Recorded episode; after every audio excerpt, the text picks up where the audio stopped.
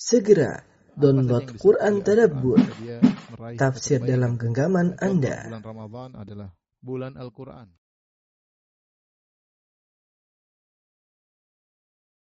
Bismillahirrahmanirrahim. Assalamualaikum warahmatullahi wabarakatuh.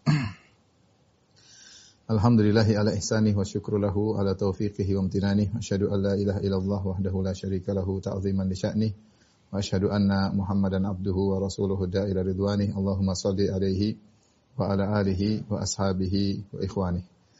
Eh, para jamaah Masjid Al-Ikhlas Duku Bima, Bekasi yang dirahmati oleh Allah Subhanahu wa taala kita masih diberi kemudahan oleh Allah untuk melanjutkan pelajaran kita tentang tafsir surat Al-A'raf dan masih dalam kisah Nabiullah Musa alaihissalam. Kita sampai pada uh, ayat 121. Pada pertemuan lalu telah kita bahas bagaimana duel yang terjadi antara Nabi Musa dengan para penyihir yang akhirnya diakhiri dengan kekalahan para penyihir Firaun dan ketika mereka kalah akhirnya mereka beriman. Ya, kata Allah wa ulqiyas saharatu sujada. Mereka pun wa ulqiyas saharatu sajidin. Mereka pun sujud. Ya, sujud uh, kepada Allah Subhanahu wa taala, ya.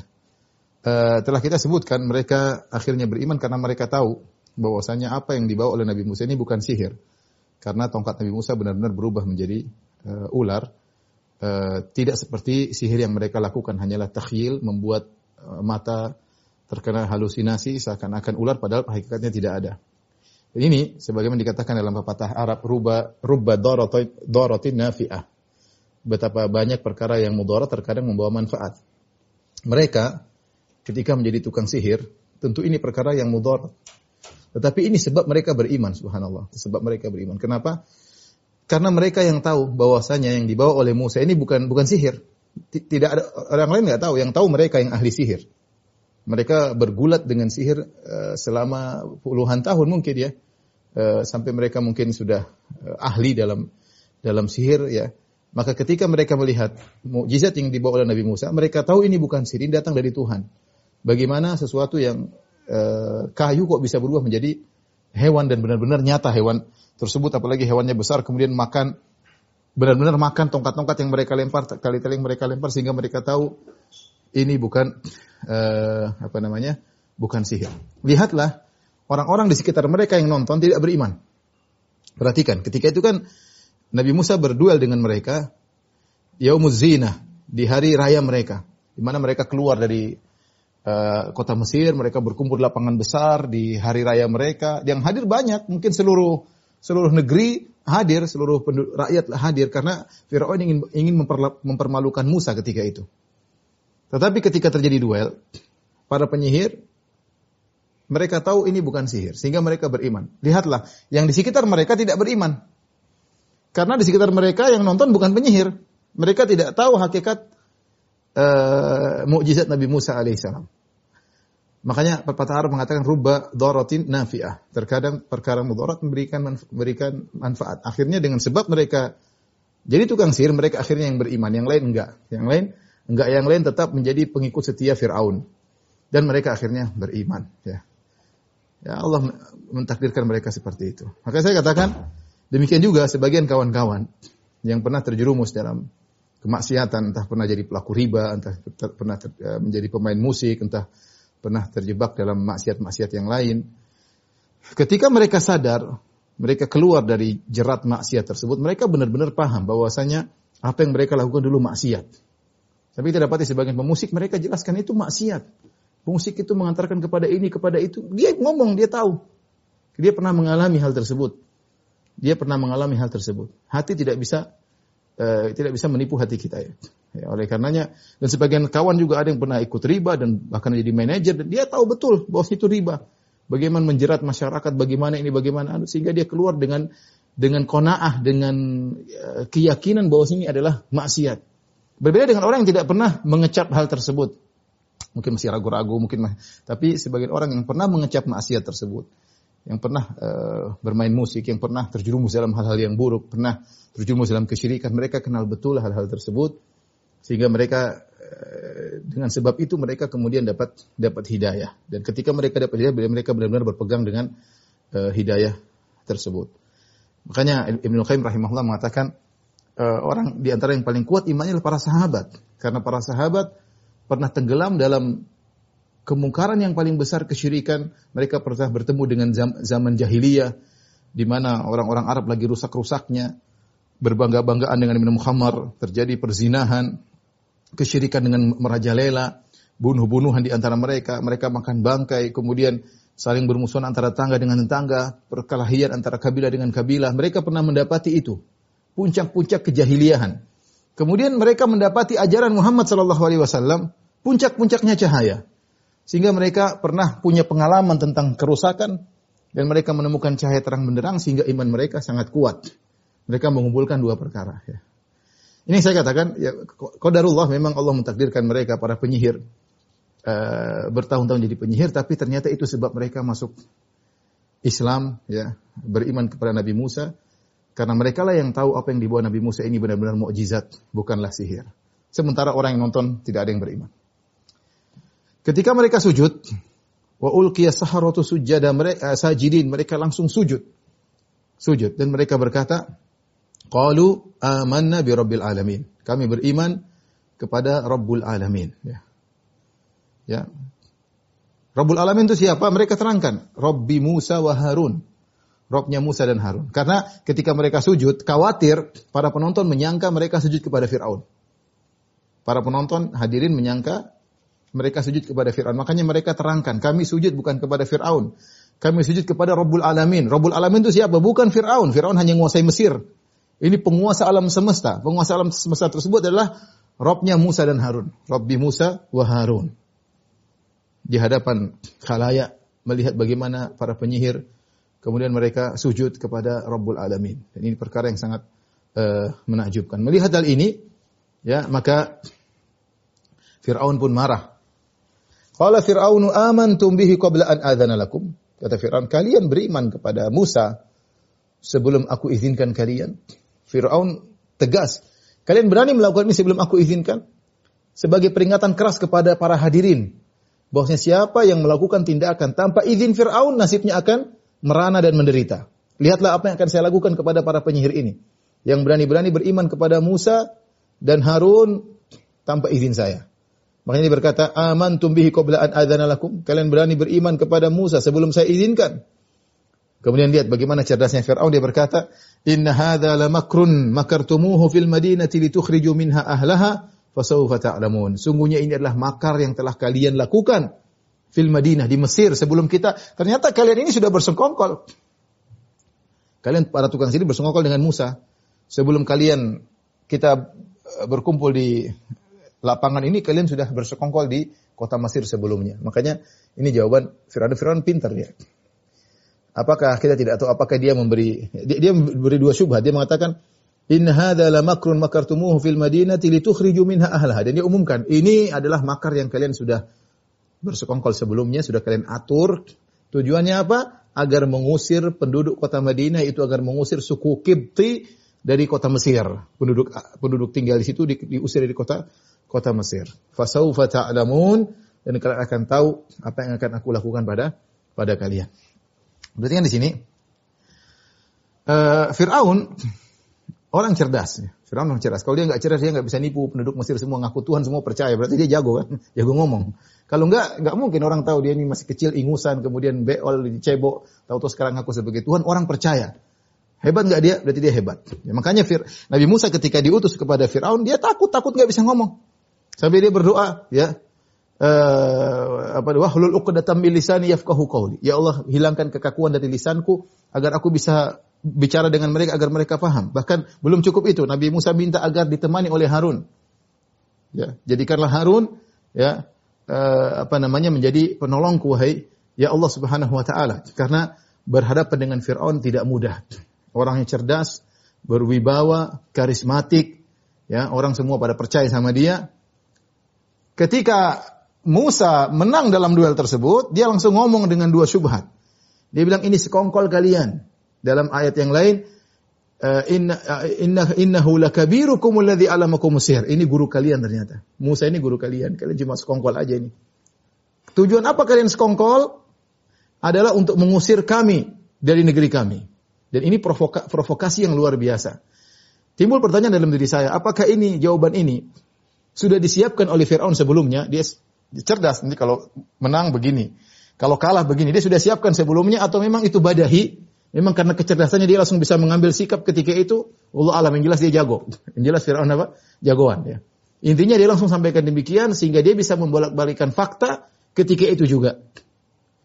Sungguhnya ini guru kalian, kalian sudah sekongkol dulu di Mesir, dan tujuan kalian adalah untuk mengusir kami dari negeri kami dan ini provokasi yang sangat hebat. Siapa yang tidak siapa yang tidak cintis cinta sama negerinya? Apalagi dikata, dikatakan persengkokolan ini untuk mengusir kita dan ini kebohongan nyata. Ya. Kalian ingin menguasai kami seakan-akan Firaun nuduh Musa ingin menang, apa, menggulingkan singgasananya dan akhirnya dia menjadi raja dan mengusir penduduk Mesir. Ini kebohongan yang nyata. Musa sejak awal ketemu dengan alaihissalam, sejak awal ketemu dengan Firaun tidak pernah bicara tentang kekuasaan. Dia cuma minta Fa'arsil ma'iyya Bani Israel. Bani Israel yang kau perbudak, lepaskan biar kami pergi. Dia justru minta pergi dari Bani dari Mesir bukan untuk berkuasa. Dia justru minta izin untuk bawa ini orang-orang Bani Israel keluar dari Mesir supaya tidak diperbudak. Tapi Fir'aun membolak-balikan fakta dan mereka pada percaya. Dan mereka pada percaya. Ya karena tidak lain dia dia dia, dia pintar pintar ngomong. Kemudian dia berkata apa? Fasaufa ta'lamun. Kalian akan tahu apa yang akan aku lakukan kepada kalian. Kata para ulama di antara para tafsir seperti Al-Alusi dalam tafsirnya Ruhul Ma'ani, dia berkata Firaun mengancam mereka dengan ancaman global kemudian terperinci. Ini maksudnya dia tahu cara membuat orang takut. Dia pertama dia tidak langsung menyebutkan apa siksaan. Dia bilang, "Eh, kalian melanggar, berani beriman kepada Firaun sebelum saya izinkan, lihat nanti apa yang saya lakukan." Eh, omongan itu sudah menakutkan. lihat nanti apa yang saya lakukan. Jadi dia mengancam secara global dan itu sudah membuat ketakutan orang dan dia dikenal apa namanya suka menyiksa ketika dia bilang lihat apa akan saya lakukan. Menakutkan setelah itu dia perinci. Dia memberi al-wa'id al-mujmal uh, ancaman global kemudian ancaman al-mufassal terperinci. Apa ancaman tersebut? Dia mengatakan la uqatti anna aydiyakum arjulakum min khilaf. Sungguh benar-benar aku akan memotong-motong tangan kalian dan kaki kalian secara bersilang jadi dia menyiksa bukan nyiksa sambil main-main nyiksanya. Makanya di antara tafsiran wa fir'aun dzil autad, Firaun yang memiliki tali, ada yang menafsirkan tali tersebut untuk menyiksa orang yang tidak disukai oleh Firaun dengan menarik tali diletakkan di empat uh, rangka tubuh manusia di tangan kanan, tangan kiri, kaki kanan, kaki kiri kemudian ditarik sampai mati. Itu di antara cara Firaun menyiksa. Jadi dia terkenal dia tukang menyiksa. Kalau nggak suka sama orang dia siksa. Kali ini kalau dia bunuh kan tinggal bunuh saja. Apa susahnya? Tapi dia ingin menyiksa. Makanya dia bilang la uqatti anna aydiyakum wa arjulakum min khilaf. Caranya saya akan potong kaki tangan kanan kalian dengan kaki kiri bersilang atau tangan kiri dengan kaki kanan. Kemudian apa? Tsumma la usallibannakum ajma'in. Kemudian aku akan menyalib kalian. Dia benar-benar memberi ketakutan yang luar biasa. Jadi apa namanya? Dua siksaan dia sebutkan. Dipotong secara bersilang kaki dan kanan, kaki dan tangan yang kedua disalib. Disalib itu maksudnya digantung di atas kayu sampai meninggal ya. Bukan berarti salib itu harus seperti orang Nasara harus seperti ini ya. Tidak harus seperti itu ya. Intinya salib itu digantung. Digantung di kayu, entah digantung di leher, entah digantung di tangan ya sampai mati ya. Entah dibalik, pokoknya kalau digantung di kayu namanya disalib secara bahasa Arab. Ya, secara bahasa Arab namanya disalib ya. Ini dia ingin menyiksa, dia potong tangan kanan dengan kaki kiri kemudian dia salib sampai darah habis sampai mati. Ini ancaman yang mengerikan, ya, ancaman yang uh, yang mengerikan.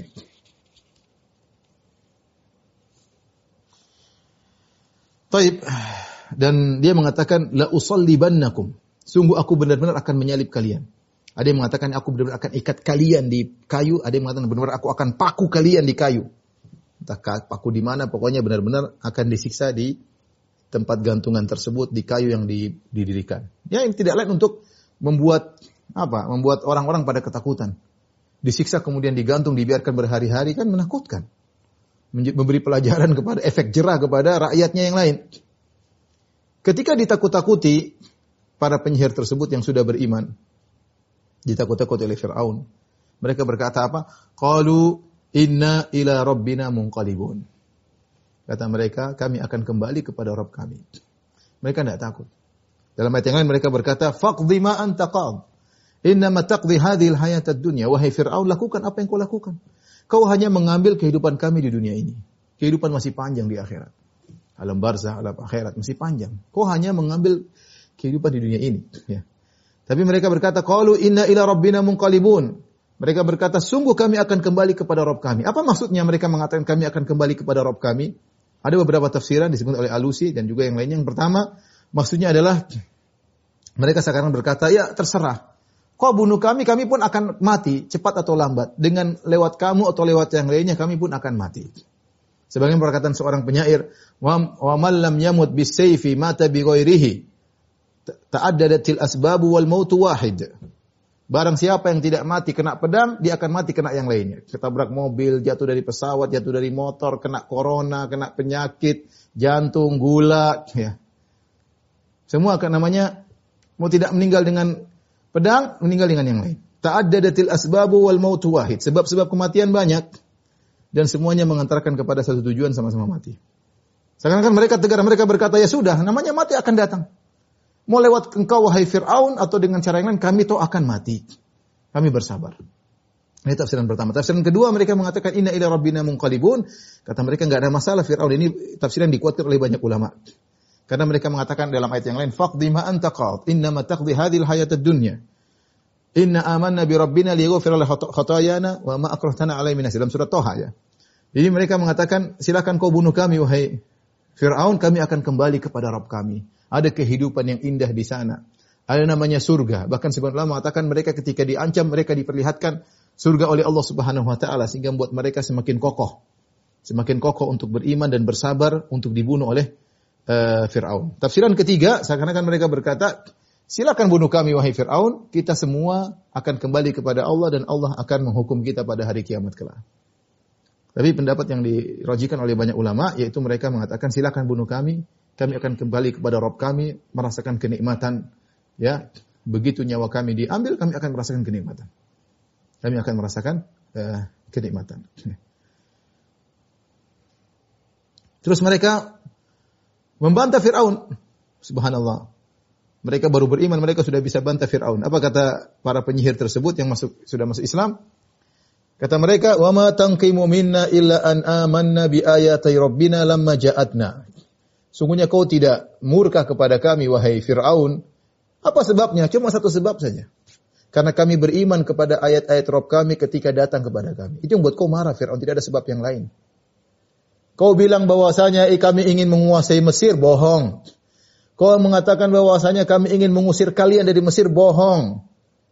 Yang bikin kau marah cuma apa? Kami beriman itu saja.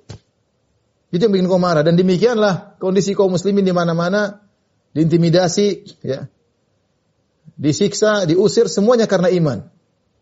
Sebagaimana Allah sebutkan tentang ashabul ukhdud, Allah mengatakan, ya, bagaimana mereka berkata, Allah berfirman, "Wa ma naqamu minhum illa ayyuminu billahil azizil hamid." Tidaklah mereka menyiksa orang-orang beriman kecuali apa? Karena mereka beriman. Bukan karena ini, karena beriman aja. Bukan karena mencuri, bukan karena membunuh, bukan karena merampok, tapi karena Islam. Itu aja. Banyak orang nggak suka Islam. Hobi dengan Islam, fobia dengan Islam. Ya. Sebagian tempat tahu-tahu diberhentikan, dibunuh kenapa? Muslim, itu aja selesai. Diganggu kenapa? Pakai jilbab. Jadi seakan-akan mereka berkata, wahai Fir'aun, ente bikin filsafat, berfalsafah. Bilang ini kami bersekongkol, itu omong kosong aja. Sekarang sama tahu, itu omong kosong. Kau bilang Musa ingin menguasai Mesir, mengusir kalian, omong kosong. Kau marah sama kami cuma satu, karena kami beriman dengan ayat-ayat Rob kami. Kata sebagian ulama, mereka uh, apa namanya? Uh, membantah Firaun sambil memuji keimanan. Ya. Artinya kami merasa bangga dengan iman ini. Silakan bunuh kami. Kami mati dengan kebanggaan bisa beriman kepada Rabbul Alamin, bisa beriman kepada Rabbul Alamin. Ya, seperti Bilal ketika disiksa disuruh bilang kesyirikan dia bilang ahadun ahad, Allah Maha Esa, Allah Maha Esa. Tambah disiksa, ahad ahad, Allah Maha Esa. Ya. Tidak mau syirik. Ya. Wa ma tanqimu minna illa an amanna bi ayati rabbina lamma ja'atna. Tidaklah kau murka kepada kami menyiksa kami wahai Firaun kecuali karena kami beriman kepada ayat-ayat Rabb kami tatkala datang kepada kami. Kemudian mereka berdoa, Rabbana afrik alaina sabra wa tawaffana muslimin. Ini doa mereka. Minta diberi kesabaran. Karena ujian berat, tidak mudah. Ini yang ngancam bukan orang sembarang. Ini yang ngancam oh, namanya Fir'aun. Yang aku sebagai Tuhan. Orang paling bejat sealam semesta. terkenal suka menyiksa, bahkan apa namanya berfantasi dalam menyiksa. Inilah Fir'aun. Kalau dia sudah ancam berarti dia akan melakukan. Ini butuh kesabaran. Maka mereka tidak sombong dengan iman mereka. Mereka berkata, Rabbana afrik alaina sabra. Ya Allah curahkanlah kepada kami kesabaran. Afrik itu seperti air yang dituangkan. Jadi kalau ada apa namanya uh, ember diisi air, tuangkan semua itu namanya afrik. Jadi sampai kosong. Dijelaskan oleh Tuhir bin Ashur dalam tafsirnya secara bahasa, ifrak yaitu menumpahkan sampai kosong. Artinya apa ini doa mereka? Ya Allah curahkanlah kami kesabaran sebanyak-banyaknya. Karena di hadapan kami bukan sembarang orang, ini Fir'aun. Dan mereka banyak para penyihir tersebut. Curahkanlah kami. Mereka meminta kepada Allah dengan penuh keyakinan subhanallah. Baru beriman langsung bisa berdoa dengan penuh keyakinan. Rabbana afrik alaina sabra. Ya Rabb kami curahkanlah kami kesabaran. Kalau ada sisa kesabaran sebanyak apa pun tumpahkan semuanya kepada kami. Kemudian mereka berdoa, wa tawaffana muslimin dan wafatkanlah kami dalam kondisi Islam. Wafatkanlah kami dalam kondisi Islam. Ya, artinya mereka minta husnul khatimah. Maka dianjurkan bagi seorang ketika dia ada firasat dia akan meninggal atau kondisinya lagi parah, dia berdoa agar agar diwafatkan dengan husnul khatimah. Ya. Lihatlah bagaimana Nabi Yusuf alaihissalam ketika menjalani perjalanan yang panjang terpisah dari orang tuanya, kemudian menjadi eh, bangsawan sampai akhirnya mengumpulkan semuanya. Setelah semua selesai, semua ujian telah terlewatkan, setelah bertemu kembali dengan ayahnya, dia merasa dia akan dipanggil oleh Allah Subhanahu wa taala. Kayaknya tugas sudah selesai. Maka dia berkata, Rabbi qad ataitani minal mulki wa 'allamtani min ta'wilil ahadith fatiras samawati wal ardi anta waliyyi fid dunya wal akhirah tawaffani muslima wa alhaqini bis salihin. Ya Rabbku, kau telah memberikan aku kekuasaan. Kau telah mengajarkan aku ilmu untuk menafsirkan mimpi. Ya. Engkau pencipta langit dan bumi. Engkau penolongku di dunia dan akhirat. Tawaffani musliman. Wafatkan aku dalam kondisi Islam. Wa alhiqni bis salihin. Dan susulkanlah aku bersama orang-orang soleh. Ketika mereka merasa akan dibunuh, apa doa terbaik? Doa terbaik meninggal dalam kondisi beriman. Ujian berat di hadapan. Orang bisa goyang ya. Dan kita tahu disebutkan bahwasanya setan paling apa namanya paling menggoda orang tatkala dia akan meninggal dunia. Itu setan mengerahkan segala kekuatannya untuk menggoda seorang tatkala di sakaratul maut. Karena ini kesempatan terakhir setan untuk menjadikan dia teman setan. Kalau kalah ya sudah selesai. Orang ini masuk surga maka setan mengerahkan kekuatannya sebisa mungkin untuk menggoda seorang di akhir-akhir hayatnya. Ya, maka di antara doa Nabi apa auzubillah min an yatakhabbatani syaitan. Indal maut ya. ya Rasulullah ber, ber, berdoa agar selamat dari godaan setan ketika akan meninggal meninggal dunia ya. Oleh karenanya mereka berdoa agar diwafatkan sebagai orang Islam. Ini juga dalil bahwasanya seluruh nabi-nabi agamanya Islam. Islam secara umum, artinya tauhid. Karena mereka berdoa wa tawaffana wa muslimin ya. Seperti juga uh, am kuntum syuhada id hadara yaqub al maut id qala banihi ma ta'buduna min ba'di qalu na'budu ilahaka wa ilaha abaika ibrahim wa ismail wa ishaq ilaha wahida wa nahnu lahu muslimun ya. Mereka mengkami Islam ya. Anak-anaknya Yakub mengatakan kami Islam. Demikian juga aku berkata uh, apa namanya? wala tamutunna ila uh, apa namanya uh, jangan kalian meninggal ke dalam kondisi Islam. Intinya agama seluruh nabi adalah Islam ya. Ya. Ma tu'buduna min ba'di apa yang kalian sembah setelahku. Mereka berkata kami Islam. Ya. Jadi seluruh agama dari sejak Nabi Adam sampai Nabi Muhammad SAW disebut dengan agama Islam. Hanya saja sebagian agama dinisbahkan kepada nama suku, nama tempat, terutama setelah terjadi penyimpangan. Seperti Yahudi, Yahudi agamanya Islam. Maksudnya bertauhid kepada Allah Subhanahu wa taala. Namun terjadi penyimpangan sehingga dinisbahkan kepada suku mereka, Bani Israel atau Yahudi. Nasara juga setelah terjadi penyimpangan dinisbahkan kepada nama tertentu, entah Nasara kembali kepada Nazaret atau nama gunung di tempat mereka atau kembali kepada makna yang lain tapi dinamakan dengan nama khusus setelah eh, ketika terjadi apa? Eh, penyimpangan. Asalnya semua agamanya agama Islam. Nabi aku beragama Islam, Nabi eh, Musa beragama Islam, para penyihir Islam. Ini namanya Islam umum. Ada namanya Islam khusus. Islam khusus ya Islam yang dibawa oleh Nabi Muhammad SAW dengan syariat khusus. Itu namanya Islam Islam khusus. Tapi kalau ditinjau dari tauhid semuanya Islam. Semuanya Islam. Kata mereka, "Watawaffana muslimin." Matikanlah kami dalam kondisi Islam. Itu mereka minta untuk mati syahid. Apa kata Ibnu Katsir rahimahullahu taala? Ibnu Katsir berkata, perhatikan. Qala Ibnu Katsir, Qala Ibnu Abbas wa Ubaid bin Umair wa Qatadah wa Ibnu Jurayj kanu fi awalin nahari sahara wa fi akhirih syuhada. Kata Ibnu Katsir menukil dari perkataan Ibnu Abbas dan para salaf, mereka para penyihir di pagi hari adalah para penyihir, di sore hari mati syahid di sore hari mati syahid. Subhanallah. Islam mereka tidak sampai satu siang. Di karena duel mereka dengan Nabi Musa di waktu duha, wa an yusyarun nasu duha. Di waktu duha mungkin jam 10, jam 11 mereka berduel. Masih kafir, masih ingin mengalahkan Musa. Masih ber, ber, masih berminta tolong sama syaitan karena sihir tidak bisa jalan dengan syaitan. Jam-jam 11, jam 10 masih sama syaitan. Sore mati syahid, luar biasa. Dan itu dalil bahwasanya innamal a'malu bil khawatim, bahwasanya amalan tergantung akhirnya. Kita jangan pernah memandang buruk orang lain, kita nggak tahu akhirnya dan kita tidak tahu akhir kita. Kita nggak tahu akhir kita, kita tahu akhir dia, kita nggak tahu. Dan jangan pernah putus asa, kita dakwai orang, dakwahi saja. Dakwahi saja. Mungkin dia bejat, mungkin dia ini. Kalau Fir'aun saja, Allah menyuruh Nabi Musa mendakwahi Fir'aun padahal kemungkinannya tidak akan beriman, tapi tetap ditegakkan hujah. Seandainya Fir'aun beriman, selamat dia, tapi dia tidak beriman. Ya. Lihatlah penyihir ini yang puluhan tahun jadi penyihir, ternyata ujung hayatnya masuk Islam. Nikmat luar biasa. Kita dapati banyak orang seperti itu, penjahat, perampok, ini bajingan, kafir, musyrik. Ya. Tahu-tahu di penghujung hayat masuk Islam, meninggal dalam kondisi husnul khatimah. Dan sebaliknya ada orang mungkin bertakwa, di ujung-ujungnya murtad ujung-ujungnya jadi ateis. Ini terjadi. Oleh karenanya uh, seorang jangan putus asa dalam berdakwah uh, dan juga jangan terlalu pede dengan iman dia. Dia nggak tahu orang tersebut matinya bagaimana, sebagaimana dia tidak tahu dia matinya bagaimana. Ini contoh nyata bagaimana para uh, penyihir tersebut meninggal dalam kondisi husnul khatimah. Pagi hari masih penyihir, sore hari jadi syuhada.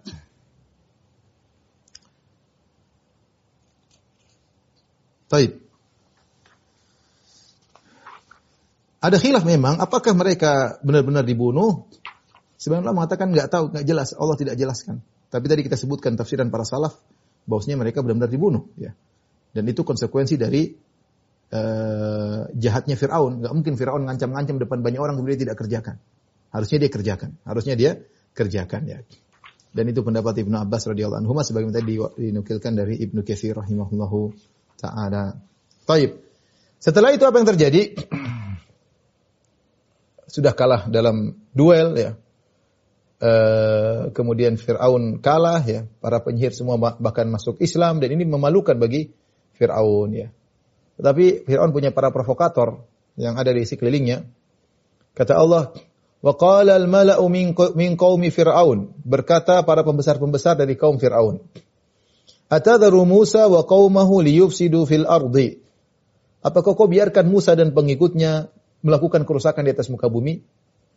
Wa yadharaka wa alihatak. Sementara Musa meninggalkan engkau dan meninggalkan sesembahan-sembahanmu. Kata Fir'aun, Qala sanuqattilu abna'ahum wa nastahyi nisa'ahum.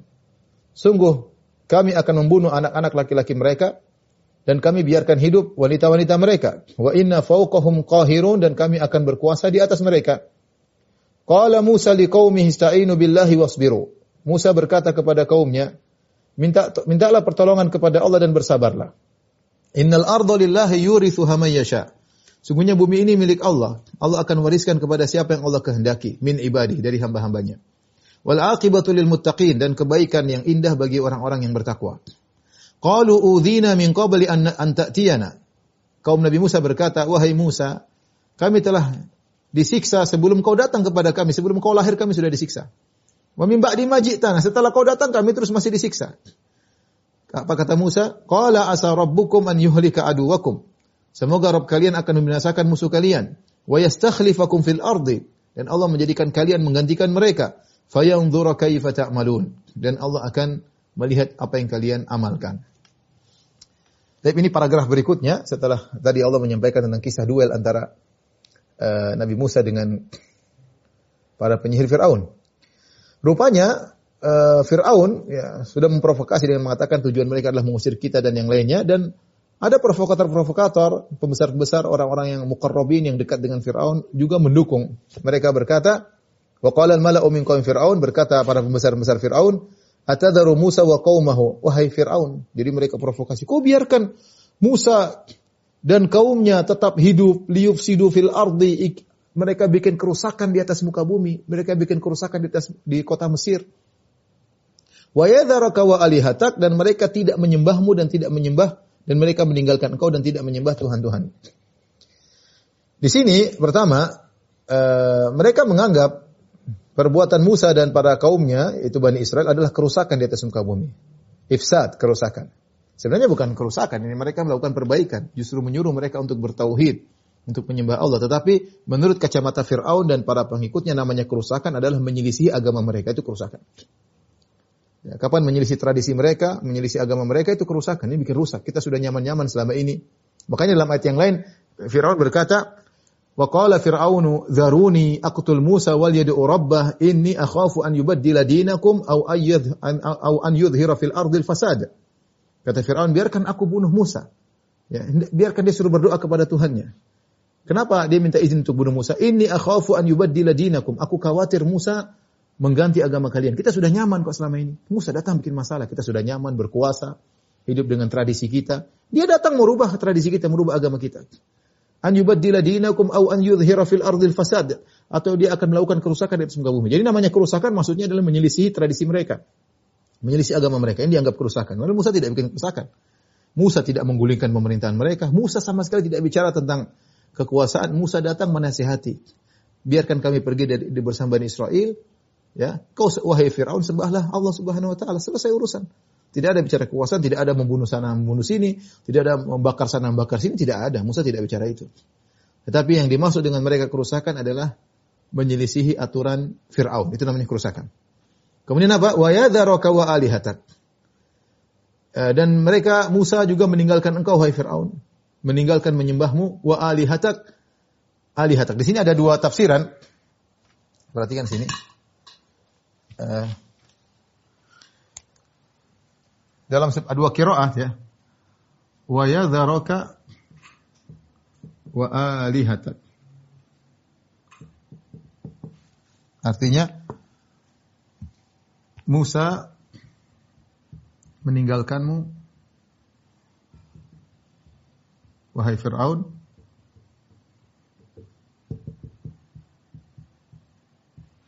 dan Tuhan-Tuhanmu dan meninggalkan Tuhan-Tuhanmu.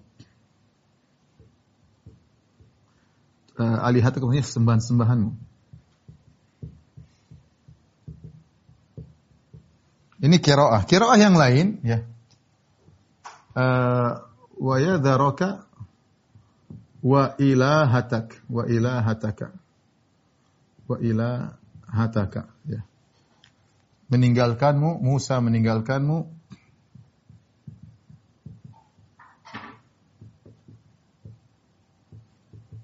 dan meninggalkan menyembahmu. Meninggalkan peribadatan apa menyembahmu. Menyembahmu wahai Firaun. Ini dua lihat sini ini dua qiraah yang yang berbeda. Di sini wa ilahatak, di sini wa alihatak. Ya.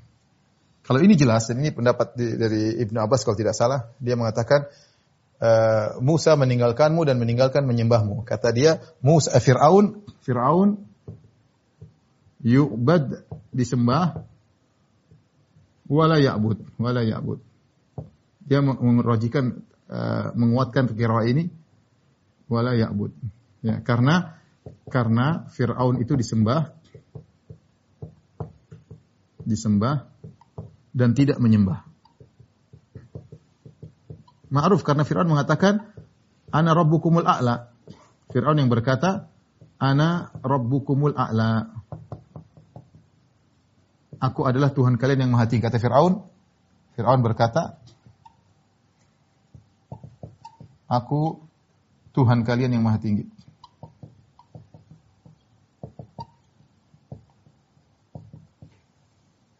Uh, kalau kira ini jelas, maknanya jelas. Wa yadaraka wa ilahatak. Musa meninggalkan engkau dan meninggalkan menyembahmu. Jelas. Ini kira dipilih oleh sebagian eh, salaf ya. Mereka merajihkan kira ini karena kata mereka Firaun disembah dan dia tidak menyembah, dia tidak punya Tuhan, dia yang disembah. Namun bagaimana dengan kira ini? Wa yadharaka wa alihatak Musa meninggalkan engkau dan meninggalkan sembahan-sembahanmu. Sembahan-sembahanmu seakan-akan seakan-akan Musa punya eh, Firaun punya sesembahan. Seakan-akan Firaun punya tuhan-tuhan. Ya, Taib. Apa makna ini ya? Di sini ada khilaf di kalangan para ulama, ada beberapa pendapat. Maksudnya Tuhan-Tuhannya apa maksudnya? Sembahan-sembahan. Beberapa pendapat. Di antaranya ada yang mengatakan uh, uh, Fir'aun apa namanya uh, diyakini oleh kaumnya bahwa dewa-dewa atau tuhan-tuhan bahwa dewa-dewa atau tuhan-tuhan menitis padanya menitis padanya dan ya, agama Mesir kuno meyakini dewa-dewa sembahan-sembahan dan dewa yang paling top menitis pada Firaun. Dewa yang paling top menitis pada Firaun sehingga dia mengatakan aku Tuhan yang paling tinggi karena aku titisan dewa yang paling tinggi. Ini di antara tafsiran. Jadi memang ada sembahan-sembahan kaum Mesir, kaum suku Akbat.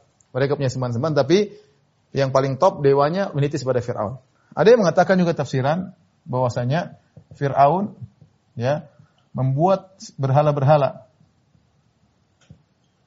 berhala berhala berhala yang disembah sebagai perwakilan dia. Perwakilannya. Jadi e, kalau orang ingin mendekatkan diri kepada Firaun, caranya menyembah berhala-berhala tersebut. Karena tidak semua orang bisa ketemu Firaun. Dia lihat taruh berhala di sana, taruh berhala di sana, taruh berhala di sana.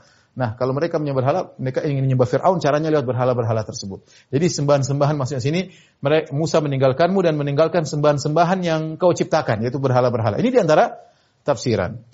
Ya. Ada tafsiran lain mengatakan maksudnya sembahan-sembahan adalah tuhan-tuhan di langit, adapun tuhan bumi adalah Firaun.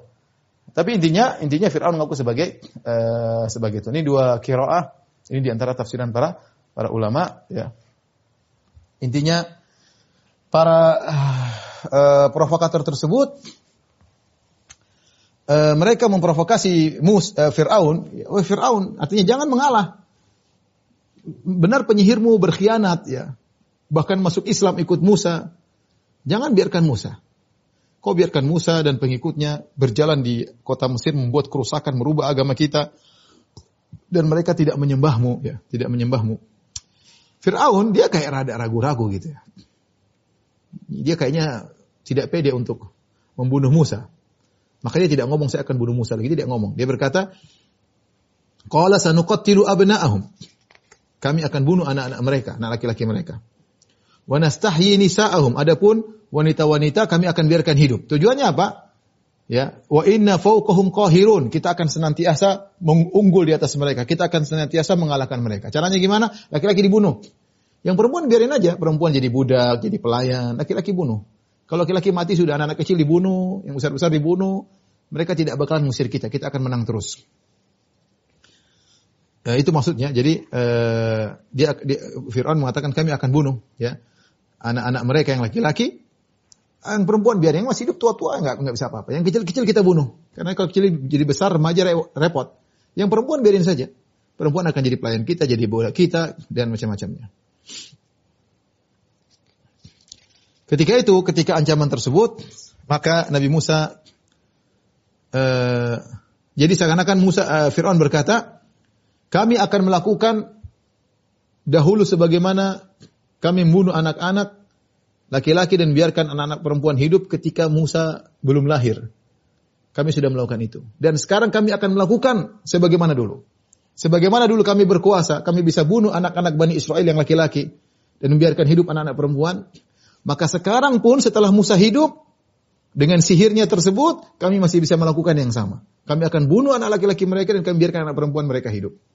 Jadi wa inna fawqahum qahirun, kita akan tetap jaya. Jangan khawatir. Jadi seakan-akan Firaun menenangkan, ya, dia tidak bicara bunuh Musa ya. Kayaknya dia dia yakin Musa itu utusan Tuhan. Ya makanya Nabi Musa pernah berkata, laqad alimta ma anzalahu illa rabbus samawati wal ardi basair. Wahai Firaun, sungguh kau tahu tidak ada yang menurunkan mukjizat ini kecuali Allah. Sehingga dia tahu Musa tidak bisa dilawan. Maka dia bicara tentang membunuh anak-anak Bani Israel. Sebagaimana dulu kita telah berhasil, sekarang kita akan lakukan. Dengan cara seperti ini, anak laki-laki kita bunuh, anak perempuan kita biarkan, kita akan terus unggul. Mereka nggak bisa apa-apa. Ketika dengar ancaman seperti ini, tentu kaum Bani Israel ketakutan. Maka Musa alaihissalam menasihati mereka. Qala Musa liqaumihi, berkata Musa kepada kaumnya, "Ista'inu billahi wasbiru." Mintalah pertolongan kepada Allah dan bersabarlah. Berat memang. Bayangkan nih, antum bilang Musa bilang gitu kepada kaumnya sementara mereka sudah disiksa ratusan tahun. Ada yang mengatakan sejak datang Yusuf alaihissalam sampai lahirnya Musa 400 tahun. Yusuf meninggal masih 300 tahun kira-kira, ini disiksa. Mereka disiksa sejak Yusuf meninggal dunia. Bani Israel sudah disiksa ratusan tahun. Kemudian datang Musa bikin masalah. Semakin ditekan oleh Fir'aun. Jadi Musa datang bikin masalah. Ya. Sampai Musa ketika mengatakan kepada kaumnya sabar. Apa jawab kaumnya? Kata Musa, minta tolong sama Allah alaihissalam, bersabarlah. Ya, kata mereka, uh, inna apa namanya? Kata mereka, udhina min qabli an ta'tiyana wa ba'di majitana. Wahai Musa, sebelum kau datang kita sudah disiksa, sekarang kau datang kita juga disiksa. Artinya kau tidak merubah apa-apa. Ya, jawaban menjengkelkan dari kaumnya. Musa bilang, Ista'inu billahi wasbiru. Minta tolong kepada Allah dan sabarlah. Ini memang butuh keyakinan. Zaman sekarang orang tidak percaya dengan maksudnya kurang percaya dengan teori iman. Orang percaya dengan materi. Mau keluar dari solusi ya caranya dengan eh, dengan yang nampak. Kalau bicara caranya kamu sholat berdoa agak sulit orang ya kecuali orang beriman ya. Orang maunya yang real yang nyata ya apa duit ada ini ada obat ada baru bisa selamat kalau enggak enggak. Bayangkan anda di posisi Musa 300 tahun umatnya disiksa. Kemudian dia datang, mereka tambah disiksa. Terus dia bilang, sabar. Kira-kira gimana? Ya, kaumnya ya mau terima setengah-setengah terima. Kata mereka, udhina min qabli an ta'tiyana. Wahai Musa, kamu gimana Musa? Sebelum kau datang kita disiksa. Wa min ba'di majitana. Kau datang kami disiksa juga. Sama saja. Terus apa? Suruh sabar. Tapi Musa tetap menasihati. Musa sabar. Musa ini nabi yang sangat sabar diutus kepada kaum yang sangat bejat. Padahal dia sangat kuat. Kalau mukul orang langsung mati. Tapi dia tidak pernah mukul umatnya. Nah, kalau mukul orang langsung tewas. Pukul batu saja sampai capnya ada di batu dalam hadis Bukhari. Dia pukul batu ada capnya. Kita kalau pukul batu, cap batu di tangan kita ya luka. Ini cap tangan Musa ada di batu saking kuatnya dia. Tapi dia tidak pernah main kekerasan. Ngomong sama kaumnya, kaumnya ngeyel luar biasa. Ya. Nanti kita akan sebutkan silsilah silsilah ngeyelnya Bani Israel. Ini di antara ngeyelnya di sini. Musa berkata, Ista'inu billahi wasbiru. Mintalah tolong kepada Allah dan bersabarlah. Innal arda lillahi yurithuha may yasha. Sungguhnya bumi ini milik Allah, bukan milik Firaun dan pengikutnya. Yurithuha may yasha. Allah akan berikan kepada siapa yang Allah kehendaki min ibadi dari hamba-hambanya. Artinya Musa berkata, wahai kaumku, ini dunia, dunia ini milik Allah, ada Tuhan yang memilikinya. Cuma Tuhan ini punya hikmah yang dia atur. Terkadang diberikan kepada orang-orang bejat. Cepat atau lambat akan berubah. Lama atau lambat mereka berkuasa ratusan tahun, ribuan tahun, Tuhan punya hikmah yang Allah inginkan. Tapi ini bukan milik mereka. Yurithuha yasha. Bumi ini Allah berikan kepada siapa yang dia kehendaki. Tapi wal aqibatu lil muttaqin. Kesudahan yang baik adalah bagi orang yang bertakwa. Kamu harus yakin demikian. Kesudahan yang terbaik adalah bagi orang yang bertakwa. Orang yang bertakwa yang bisa merasakan kesudahan yang baik. Entah kesudahan baik di dunia atau kesudahan, kesudahan yang baik di akhirat. Ya. Ya uh, ayat seperti ini sama seperti ketika Allah menyebutkan kisah Nabi Nuh alaihissalam setelah berdakwah 950 tahun akhirnya kaumnya dibinasakan. Allah berfirman setelah cerita tentang kisah Nabi Nuh kepada Nabi Muhammad, Allah berkata wasbir ya. Innal aqibata lil muttaqin ya. Bersabarlah wahai Muhammad, sungguhnya kesadaran yang baik bagi orang yang bertakwa. Lihatlah Nuh. Meskipun lama 950 tahun. Kisahnya enggak sebentar, 950 tahun bertahan akhirnya kesudahannya baik. Engkau wahai Muhammad bersabarlah. Kesudahanmu pasti baik. Musa berkata kepada kaumnya, sabar. Kesudahan orang bertakwa pasti baik. Ya, pasti baik. Lihat Nabi Yusuf alaihissalam terpisah 40 tahun ada yang bilang bersama dari ayahnya akhirnya kesudahan yang terbaik. Ya. Kesudahan kata apa namanya? Kata Nabi Yusuf alaihissalam, "Innahu mayyattaqi wa yasbir fa inna Allah la yudhi ajral muhsinin. Barang siapa yang bersabar bertakwa, Allah tidak akan menyanyiakan perbuatan orang yang baik. Yang jadi masalah ikhwan, kita diuji dan kita tidak ikut prosedur. Kita tidak bertakwa. Ketika kita tidak bertakwa, kesuduhannya belum tentu baik. Kesuduhannya belum tentu baik. Taruhlah kita selamat dari semuanya, belum tentu juga baik. Tapi kalau seorang bersabar, bertakwa, apa pun yang dialami kesudahannya baik. Dan pasti ada solusi. Pasti ada solusi, cepat atau atau lambat. Ini butuh keimanan. Ya. Wal akibatu lil muttaqin, kata Allah. Nabi Musa nasihati kepada kaumnya, sungguhnya kesudahan yang baik bagi orang yang bertakwa. Apa jawaban mereka? Tadi sudah kita nukil. Qalu udhina min qabli an ta'tiyana min ba'di majitana. Wahai Musa, sebelum kau datang kami sudah disiksa. Wa ba'di majitana kami sudah disiksa. Juga sekarang kau sudah datang kami masih disiksa. Jadi ngeyel. Kata Allah, asa rabbukum an yuhlika aduwakum. Semoga Allah membinasakan musuh kalian yaitu Firaun. Wa yastakhlifakum dan Allah menjadikan kalian mengganti mereka fil ardi di atas muka bumi. Fayanzuru kaifa ta'malun dan Allah melihat apa yang kalian lakukan. Musa ingatkan. Taruhlah Firaun selesai. Taruhlah Firaun binasa di belantaranya. Kemudian kalian menggantikan.